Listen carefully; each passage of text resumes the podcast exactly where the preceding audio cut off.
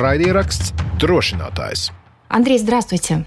Здравствуйте. Как вы оказались в вооруженных силах, оказались на войне? Вы пошли добровольцем или как это получилось? Да, когда началось полномасштабное вторжение, я был обычным гражданином без военного опыта, у меня не было срочной службы, я никогда не стрелял с огнестрельного оружия, я был обычным строителем. И когда началась э, эта дикая история, я первое, что сделал, это в безопасное место э, вывез свою семью, ну и потом, как каждый сознательный гражданин э, в военкомат встал на учет, и а дальше уже обычный военный алгоритм обучения, ну и привлечения уже к боевой службе. Вы, получается, уже с первых дней на фронте оказались? Нет, несколько позже. Мне понадобилось какое-то время, чтобы устроить мою семью. Потом я уже, получается, примкнул к армии. Вы оказались сразу на передовой, на фронте. Как вот ваша судьба на сложилась и военная? Ну, это работает по-другому. Есть mm-hmm. алгоритм для того, чтобы солдаты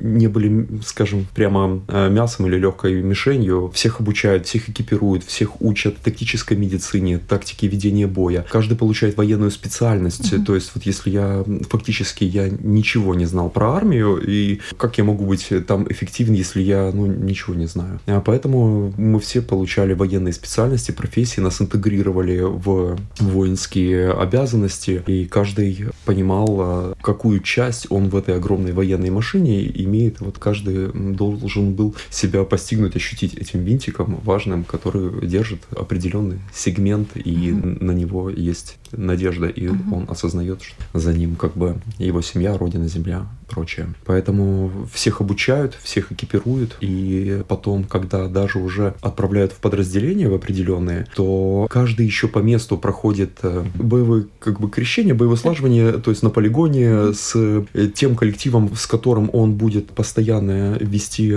военную деятельность, его интегрируют туда, и он, чтобы там чувствовал себя на своем месте, почувствовал, что рядом тоже надежные люди, и он тоже становится надежной частью этой огромной кольчуги, маленьким звеном, э, который в сущности держит структуру. А что вас на фронте сплачивает, скажем так? Все-таки вот этот боевой дух, ваше единение, братство, вот э, это присутствует вообще вот если таких высоких, говорить, вещах? Безусловно. Я вот на личном примере э, могу сказать, мы плечо к плечу. Мы идем и мы понимаем, что если что-то произойдет со мной, я уверен, что ребята сделают все для того, чтобы меня эвакуировать, спасти и для того, чтобы моя жизнь продолжалась. Это в самом деле как братство, это и есть братства. Нет худа без добра, знаете. Украинцы и так, в принципе, народ дружный, но эта война еще больше сплотила, еще угу. больше сплотила. Ну, возможно, не всех. Есть такие, которые все же еще, может быть, не созрели для воинской службы и для себя не приняли решение, какая роль их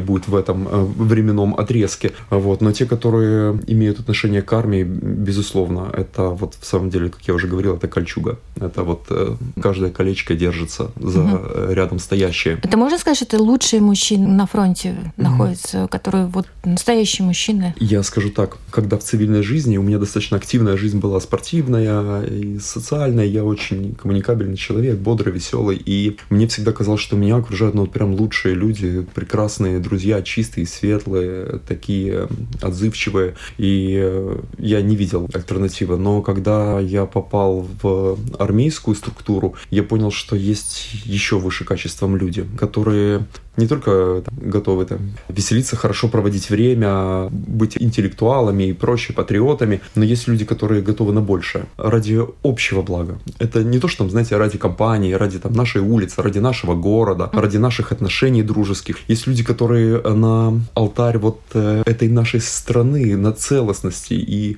здоровья людей, обычных, незнакомым, отдают все. Все, что у них есть. Вот отдают свое семейное положение, потому что, ну, вот как я, кто-то просто семью куда-то отправил, сам пошел служить. Вы понимаете, никогда э, расстояние и время — это не залог, э, скажем так, успеха в семейных отношениях, но люди, тем не менее, отдают это, отдают э, карьеру, все, все, что у них есть. Самое ценное отдают — здоровье. И самоотверженно идут и сражаются за нашу страну. Вот эти высокие идеалы, да? То есть это не просто высокопарные слова, а это действительно а, есть в людях, да? Я не могу сказать за всех, я не могу сказать за все подразделения и части. Я могу сказать за то, чего я коснулся в моем подразделении, в моей части. Те люди, которые меня окружали, я видел вот это вот высокое качество человека, высокое качество патриотизма. Это люди интеллектуалы, они знают языки, они специалисты в своем э, деле цивильном, и при этом они тут э, самоотверженно проходят обучение. Даже если, да, даже вот те ребята, которые в нашем подразделении с 2014 года воюют, никто из них, э, у нас не было никогда даже намека на то, что, мол, типа, вот, вы пришли тут новенькие, а я, ну, как это, отсылка к дедовщине. Даже намека нет. Больше у тебя опыта, подтягиваешь, у кого меньше опыта, делишься, рекомендуешь, советуешь, показываешь, вдохновляешь. А что вами двигало в тот момент, когда началась война, когда произошло вторжение? Какие у вас были эмоции и, собственно, повлияло ли это на ваше ну, стремление уйти на фронт? У меня очень простой э, алгоритм сработал. Я отец, угу. у меня семья. Это как на уровне инстинкта. Я почувствовал, что нужно первостепенно позаботиться о своем потомстве.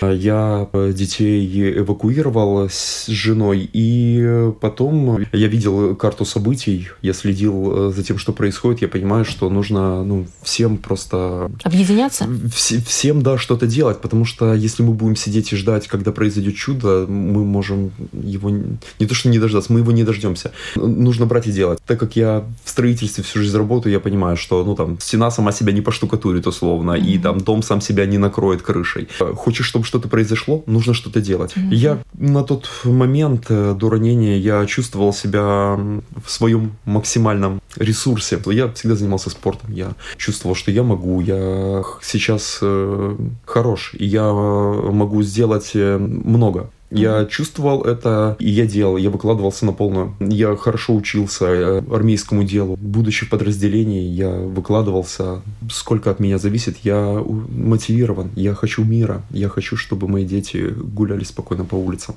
чтобы они не слышали сирен. Я хочу, чтобы мои родители не знали беды, горя. Я хочу, чтобы Украина вся зажила. И все солдаты, которые сейчас на фронте, они мотивированы этим, и все работают самоотверженно. У нас нет выбора. У нас нет выбора. Просто если враг, скажем так, ну, просто придет и возьмет Киев, отрубит голову, скажем так, дракону, mm-hmm. и все, все остальное можно будет просто проехать со скоростью танка всю Украину.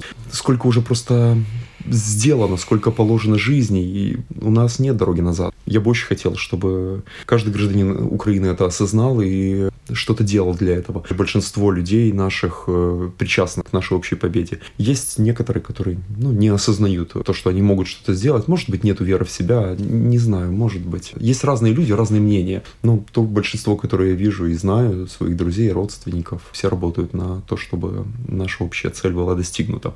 Безусловно, я верю в победу. Я не могу сказать, что она будет в этом году. И то, что я вижу реалии на фронте, и с момента моего ранения, и как передвинулась куда линия фронта, достаточно сложная сейчас ситуация на фронте. Но я все равно, даже хотя бы и, и в чудо, но верю. Знаю, что у нас меньше ресурса, меньше людей в нашей стране. И если все будет продолжаться в таком именно темпе, может быть, наши войска и быстрее закончатся. Это, конечно, очень болезненная тема. Люди гибнут, и людей все меньше и меньше. И ведь а, как бы вот этот момент, что ведь война когда-то должна ведь остановиться, потому что это человеческие жизни, да. Ведь э, все это в руках, а, по большому счету, политиков, наверное, по большей части. Больших игроков, безусловно. Да. И я, я удивляюсь. Вот, э, честно говоря, вот уже два года это продолжается. Безобразие форменное в центре Европы. И вот эта вот политика непричастности меня искренне удивляет. Это, ну вот даже если уберем границы, эти условные зоны, там ЕС, Россия и прочее, э, вот я как родитель, допустим, я иду по улице,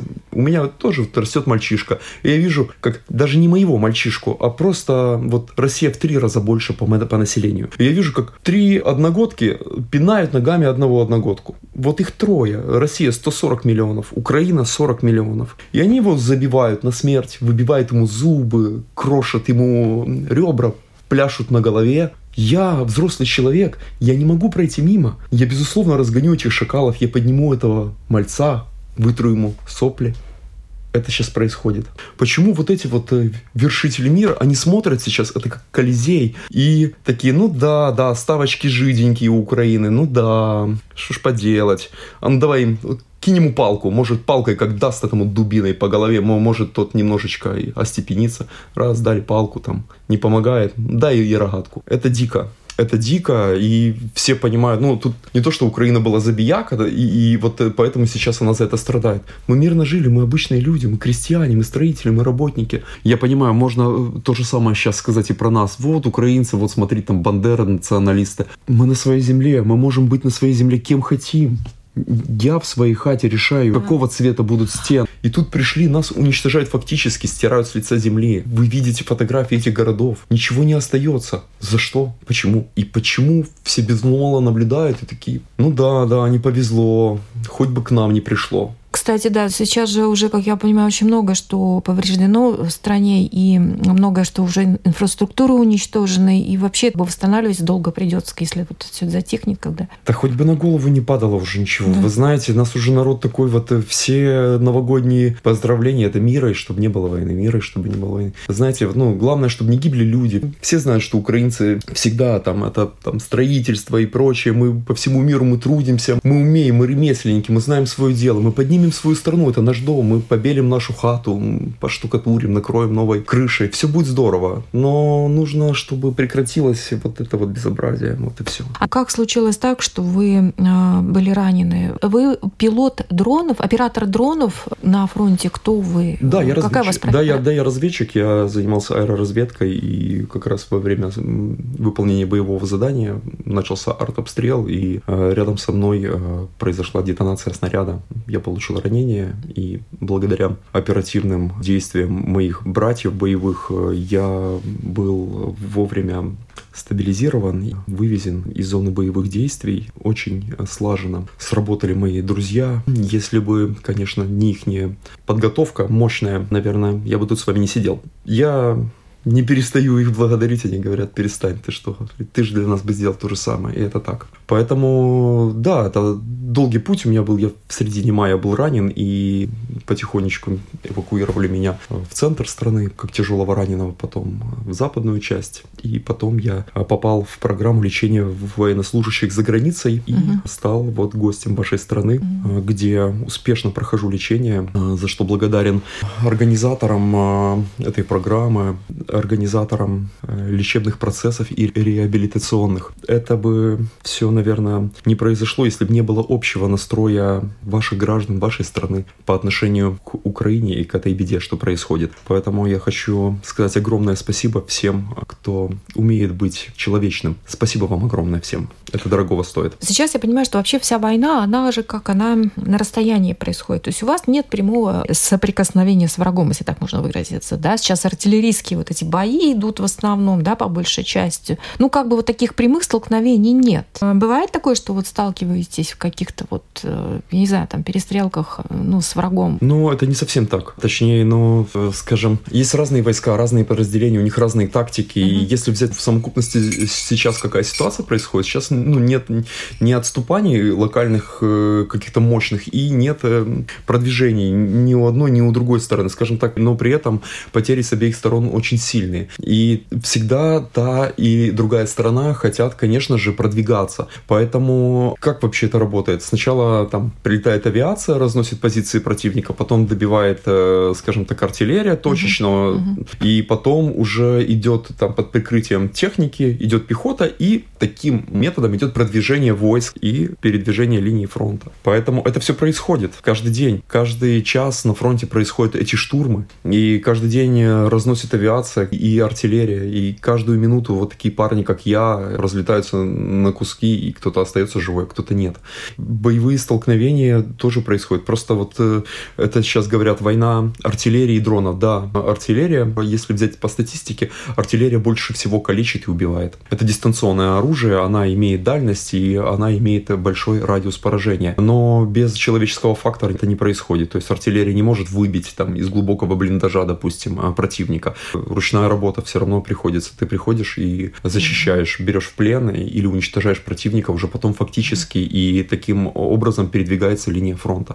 Поэтому это происходит каждый день. И каждый день э, потери с той и другой стороны. Конечно, это огромная трагедия. Это огромная трагедия. И вообще то, что происходит, конечно, вы сейчас на реабилитации. А что вы вообще думаете дальше? Планируете возвращаться или как у вас? Какие у вас вообще планы?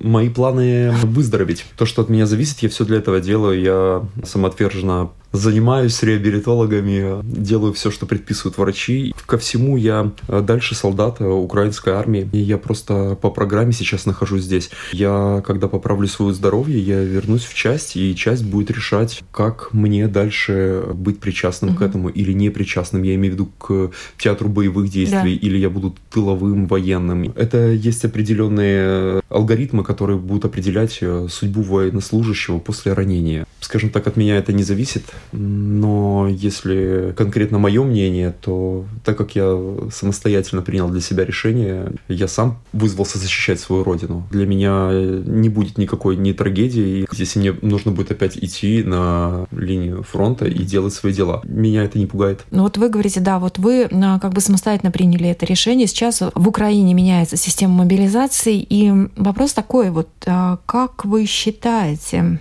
это все-таки а, должно добровольно быть или все-таки, если страна а, прикажет, надо идти? Ваше отношение к этим вещам? Я думаю, что воин должен быть мотивирован. Мотивирован, угу. безусловно. Ну как ты заставишь его прицельно стрелять, если он не хочет и боится, и он не видит в этом смысла, и он не хочет. В любом деле, как человек насильно будет что-то делать хорошо? Мы все боремся за демократию. Мы живем в демократической стране. Это проблема сейчас, да. Нужно, мне кажется, на государственном уровне делать э, какие-то, знаете, вот мотивационные. Нужно поднимать дух нации и нужно э, вот пробуждать сознательность в людях, и чтобы напоминать им, кто они, где они родились, кем они являются. И я за то, что все-таки э, воин был э, мотивированный, был сознательный, чтобы он шел и делал. Тогда вот э, эта кольчуга будет крепка. То, что сейчас не хватает армии воинов, это факт. И я понимаю, что кто-то может сказать, я не рожден для войны. Никто не рожден для войны. Но просто если Вначале многие думали, что у нас есть выбор, и угу. там кто-то пойдет, есть профессиональные военные. Уже профессиональных военных почти нет. И кто-то погиб, кто-то был раз ранен, кто-то два ранен. Потом его все-таки списали, потому угу. что ну, он фактически уже не может выполнять свои функции и обязанности. Кто-то должен приходить на их место, и кто-то должен держать эту оборону. Просто э, многие не могут увидеть всю картину ясно. Она безальтернативна. Просто если э, ты сейчас не встанешь и не возьмешь оружие и не пойдешь защищать свою землю, то просто тебя поработят так или иначе тебя уничтожат. Мы помним, а, что такое ссылки, репрессии. Моя семья тоже 20 лет была в Сибири. Мой дед, мой прадед был ополченцем и воевал в Карпатских лесах против режима коммунистов, погиб, и семью его, несмотря на то, что он погиб, хотя по Конституции СССР дети не несут ответственности за деяния родителей, угу. его семья, то есть мой дед, был выслан, будучи подростком, 12 лет ему, кажется, было. Это был 46-й год. Был выслан. Мы все это помним. В каждой семье практически это трагедия. И...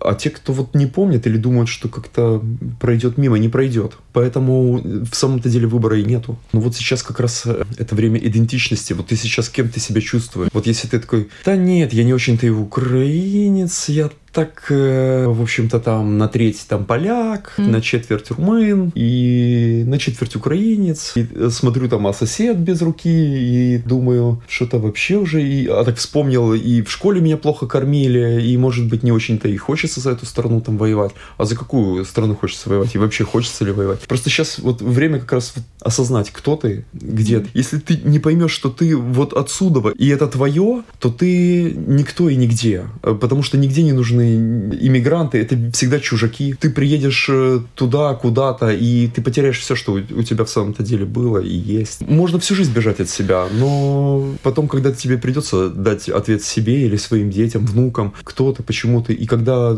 ты нужен был именно там, что ты сделал для этого. И, честно, у меня есть друзья и родственники, и, которые не принимают участие в военных действиях. Я их не осуждаю. Я просто э, не скрываю свои позиции. Я говорю, mm-hmm. просто пришло время действовать. И я никого не подталкиваю. Я не не хотел бы, чтобы мой там брат, э, который, ну вот он не видит сейчас себя, и он думает, вот, вот я еще пока не готов. И я знаю, если вот подтолкну его, а вот завтра его убьют, а как я потом с этим буду жить? Я думаю, что каждый сам должен принять решение для себя. Но мне кажется, все равно на государственном уровне должна быть э, такая программа, которая должна людям подсказывать, напоминать, для чего мы и кто мы на этой земле. Если мы на этой земле гости, ну хорошо, едь куда хочешь. А если ты считаешь, что эта земля твоя, борись за нее.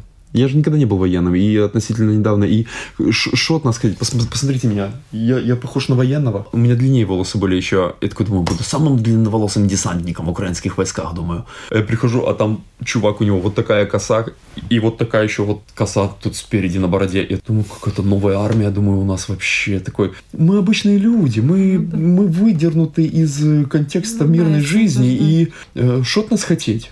Вот мы справляемся со своими задачами военными, мы, мы делаем все же для победы. Ходить нам там стриженными или там подшитыми или что-то там, да оставьте в покое. Эти люди, они... Для меня все эти военные, они герои. Они, ну вот я говорю, они отдали все. Все на алтарь э, жизни незнакомых им людей. Очень лояльно у нас э, в самом деле руководство Конечно, если ты будешь какие-то соцсети там угу. выкладывать с геолокацией, это безумие, да, это абсурд. И, или там пьяный вести какие-то стримы, хотя ты там, допустим, даже где-то на ротации, или даже ты в отпуске, но ты военнослужащий, ты должен там, понимать, что э, ты сейчас образец, на тебя люди смотрят, на тебя равняются, и, и потом вот, если ты что-то упоришь, то скажут, вот эти вот вояки, вот это вот черти шо, вот это вот они вот, это вот как быдло, я не хочу быть частью стадом, или как это быдло. Мы сейчас э, те, на кого может равняются люди. Может быть, мы с своим примером тоже, опять же, мы э, сделаем вот эту вот такую позитивную пропаганду, что вот кто-то увидит и, и скажет, вот я бы хотел бы с такими быть военными плечом к плечу, или я хотел бы быть как этот военный. А, ну вот еще такой момент, я знаю, что для многих мотивация это вот денежное удовольствие, что все-таки вот как считается, что в армии хорошо платят, ну и вот как бы это тоже может а, служить каким-то, ну, фактором для того, чтобы уйти а, служить. Это такое бытует, но, mm-hmm. честно, я простой солдат, я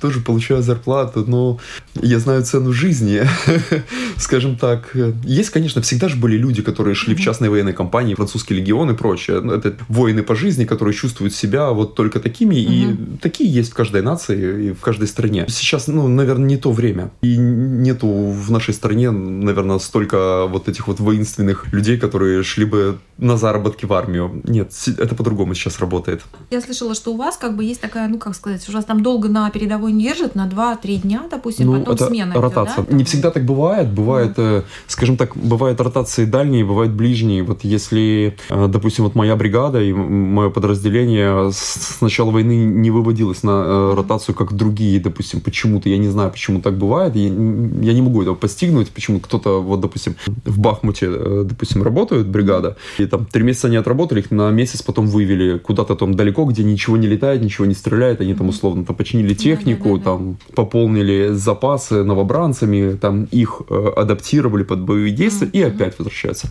Вот у меня в бригаде такого не было. Но нас э, отводи, выводили там на третью линию, допустим. Это мы из Бахмута выходили в Краматорск, и mm-hmm. там могли, скажем так, э, помыться, поесть, спокойно выспаться, и потом опять в боевые будни.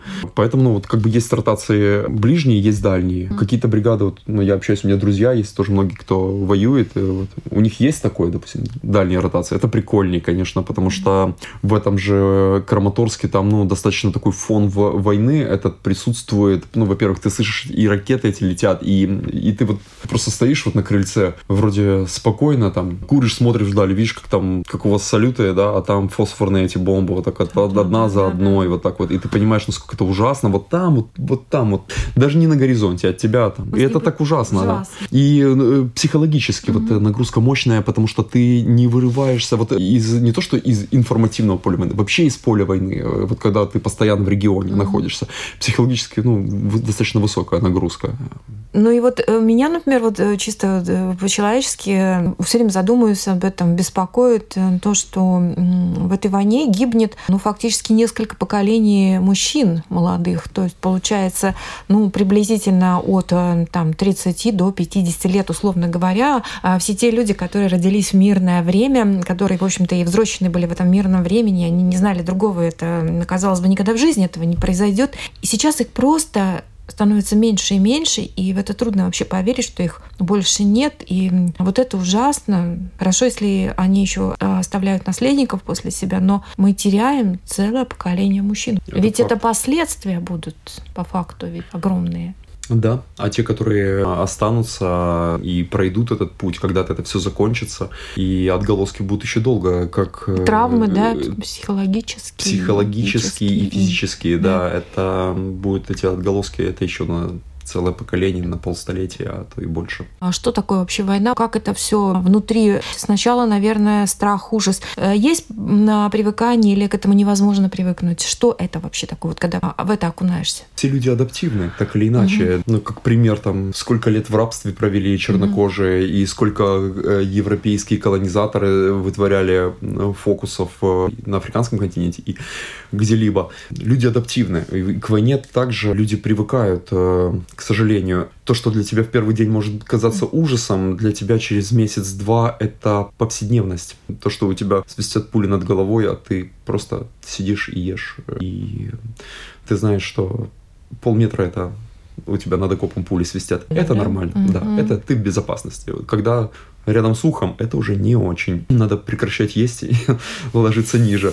Да, привыкают люди. И это бывает, имеет фатальные э, последствия, э, когда... Потеря страха? Слишком беспечно, да, угу. бывает. И хуже всего, когда это потом все переносится в цивильную жизнь, когда люди без страха возвращаются в угу. гражданское общество, и могут быть, да, последствия, там, небезопасная, возможно, езда, потому что угу. война — это мир адреналина. И потом, когда люди возвращаются, если они не находят себя в каком-то там спорте или или в каких-то э, еще не находят выток э, вот и стабилизировать, может, как-то себя уже э, в цивильной жизни.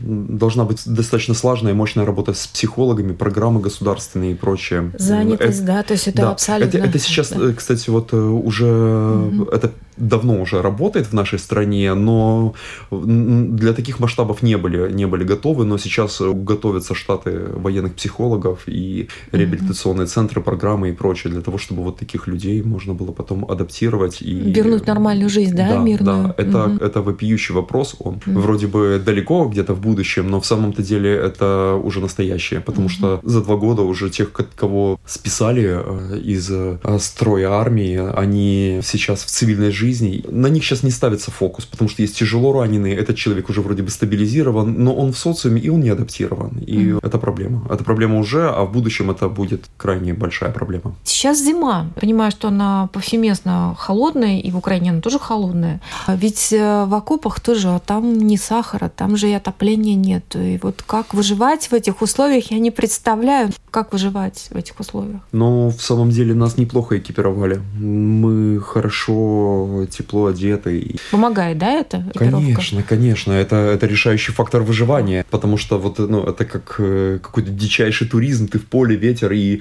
если ты можешь, э, там, ну, будучи альпинистом или туристом, скажем так, идти и согреваться, угу. то там ты просто лежишь недвижимым, чтобы тебя не заметили ни сверху, ни сбоку, ни, ни откуда. И ты вот обездвиженный, тебе холодно, ты хотел бы хоть бы поотжиматься, чтобы кровь разогнать, но нельзя. Поэтому, безусловно, экипировка играет решающую роль э, просто в выживании сейчас зимой, потому что не нужно даже быть раненым, достаточно быть обмороженным для того, чтобы перестать быть цепью этой кольчуги. Поэтому, да, есть э, экипировка, бывает э, что-то докупаем, бывает не всегда своевременно, может быть, присутствует все в полном объеме, но я могу сказать на личном опыте, у нас очень хорошее было снабжение европейского, американского образца. И есть еще такие маленькие радости, там, окопные mm-hmm. свечи, и mm-hmm. это кажется, ну что такое свеча горит? И Но греет все-таки, да? Она греет, да. Греет, И это особенно ощущается, когда темной, холодной, морозной ночью эта свеча гаснет, и ты понимаешь через две минуты, что вроде бы она ничего не давала, а ты понимаешь, она давала многое.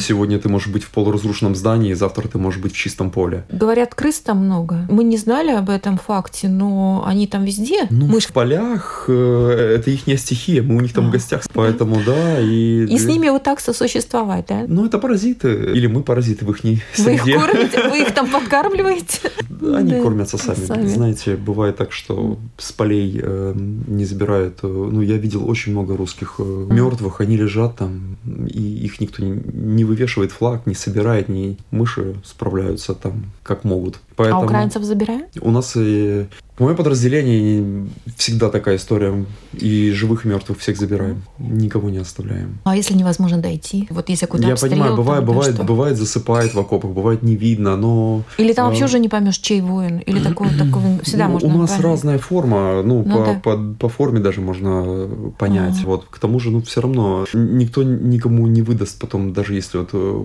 я понимаю, бывает, людей разрывает, и проводятся тесты ДНК, и каждый угу. получит э, своего воина и Жетон. сможет его похоронить, потому что, ну, это важно для каждого родителя и для вообще для норм каких-то. А, а бывает так, что вы помогаете русским или русские вам раненым, ну, спасают? Не звери же мы брали, все. Брали в плен э, раненых и накладывали и турникеты, угу. и бинтовали, но все, ну, нет у него оружия, но смотришь у человека отчаяние в глазах, и, ну, мы Страх, люди, да. конечно. Угу. Ты понимаешь, ну, я вот, э, знаете, э, опять же, с позиции родителей, я понимаю, это чей-то сын. Он может быть, э, ну, заблудшая овца, ну, может быть, их там и не спрашивают, мобилизируют, но, тем не менее, он здесь, и он меня убивал. Но сейчас это тот, кто просто вот умирает и просит о помощи. Я как человек, ну, как отец, я, я понимаю, что это. Просто, ну, чей-то сын муж. Да, даем первую помощь, там, попить, там, ребята сигареты дают, поесть, mm-hmm. и дальше он уже идет по цепочке, как там положено военнопленным. Во-первых, это обменный фонд. Mm-hmm. И с одной и с другой стороны есть э, пленные, и каждая страна заинтересована получить их обратно. Поэтому ну, меняют. Mm-hmm. Это очень важно, mm-hmm. потому что люди годами там находятся. И война это это то, что никому не надо. И мне кажется, вот, к сожалению, вот русские, э, вот эти солдаты, они это понимают, когда они приезжают на передовую, они видят вот этот весь ужас, может быть, к ним э, приходит осознание того, что он не в то время, не в том месте, но поздно. А у нас, вот, у украинских солдатов, у нас нет выбора, мы просто, нам нужно стоять. И нам нужно стоять, да, да, до последнего, потому что, ну, опять же, воля или смерть. Я, я вот, я, я понимаю, что вот если я не буду воевать, я ничего потом не смогу сделать, я не смогу противостоять да, хорошо, там, я выйду один против э, толпы оккупантов, я быстро кончусь, ну и со мной кончится Украина. Поэтому, покуда у нас есть возможность, да, нас поддерживают э, оружием Запад, э, насколько может. Нам нужно бороться. Пока мы едины, пока есть нас какое-то количество, мы можем дать отпор, мы можем продвинуться. Я чувствую, что у нас есть еще достаточно мощные шансы для того, чтобы своими силами как-то, как я говорил вначале, я искренне верю в то, что мы это сможем сделать. Я простой солдат, я не знаю, я не генерал. Я знаю, что у нас э, крутые командующие, они мудрые, они мощные. Они нам помогают э, и другие страны, которые умеют и давно воюют, и они, может быть, консультируют наше руководство. Поэтому это закончится, и так как Правда, за нами я искренне надеюсь и верю. И знаю, что мы придем к своим границам. Просто вопрос, какой ценой. Я не хотел бы, чтобы это было ценой последнего украинца. К сожалению, дипломатия, видите, бессильна. Если так на чашах взять, то у России потенциал выше. Не знаю как, но я знаю, что все будет хорошо в это свято верю, за это боремся. Ну что ж, я вам желаю удачи, и чтобы все у вас э, получилось. Андрей, спасибо вам большое, что пришли, что так искренне поговорили, столько рассказали. Спасибо за очень интересную и очень а, человечную беседу. Спасибо. Пожалуйста, я хочу еще раз э, поблагодарить э, вас и всех всех, кто э, не равнодушен к проблемам обычных украинских людей, обычных солдат, кто соболезнует и кто помогает нам. Спасибо огромное. Это это очень очень ценно и это теплое отношение, которое я чувствую здесь. Я здесь чужак, но за то время, сколько я здесь нахожусь в вашей стране, в вашем городе, я уже чувствую себя здесь так, знаете, насколько у вас хорошее, человечное, гуманное такое общество и такие люди теплые. Это так дорогого стоит. Спасибо вам огромное за все, что вы для нас делаете. Всем и каждому. Мира вам. Спасибо и вам тоже мира, и будем надеяться, что мир все-таки придет в вашу страну. Спасибо вам. Благодарю. Tas bija Ukrāņu karavīrs Andrijs Kiceļuks, ar kuru sarunājās kolēģe Latvijas Rādio 4 žurnāliste Jūlija Petrika. Nu, katrā ziņā daudz aktuālu tēmu, un, un paldies Jūlijai par šo tiešām personīgo stāstu tieši drošinātāja formātā. Jā, mēs redzējām patiešām lielisku ieskatu cilvēka domās, tā cilvēka domās, kas atradās un arī nu, pēc izārstēšanās kā šķiet, turpinās atrasties frontē viņa pārdomas ne tikai par to, kādi ir apstākļi tur un kāpēc cilvēkiem vajadzētu vai nevajadzētu doties aizstāvēt savu dzimteni un kādi cilvēki vispār atrodas frontē, bet arī par vispārējo situāciju valstī un to, kādas tad ir izredzes Ukrainai uzvarēt un kā viņa prāt izskatās tas viss no malas lielajiem spēlētājiem. Un, Kā tad lielie spēlētāji šo noraugās un vai pietiekami palīdz arī Ukrainai un tiem, kas atrodas frontē? Nu jā, un tie ir arī interesants skatījums. Man, man īpaši uzrunāja stāsts par mobilizāciju, jo mēs arī drošinātāji iepriekšējās epizodēs esam par to runājuši, ka Ukrainai, protams, ka to spēku nav tik daudz, kā Krievijai varbūt, tas resurss nav pareizāk, tās rezerves nav tik lielas. Bet karš prasa savu. Diemžēl cilvēki mirst, eh, cilvēki tiek ievainoti un ir vajadzīgi jauni cilvēki. Kā papildināt pašķidrinātās karavīru rindas, tas ir ļoti aktuāls jautājums, ar ko jātiek galā Ukrainai pašai. Un, protams, ka tie veidi ir dažādi. Krievijā mēs esam redzējuši daudz uh, materiālu, kā tiek uh, uz ielām izķerti cilvēki krietni, krietni mazāk tādi skati ir redzēti arī Ukrajinā, bet, protams, kā arī Andrijs teica, ka um, nu, vislabāk tu jūties, ja tev plec pie pleca ir cilvēks, kurš tiešām grib tur būt un zina, par ko viņš cīnās. Katrā ziņā, uh, ja jums šī saruna šķita svarīga, tāda, kuru būtu jādzird uh, vairāk klausītājiem. Padalieties ar to sociālajos tīklos, aizsūtiet uh, linkā saviem radiem draugiem, paziņām kolēģiem un jebkuram citam.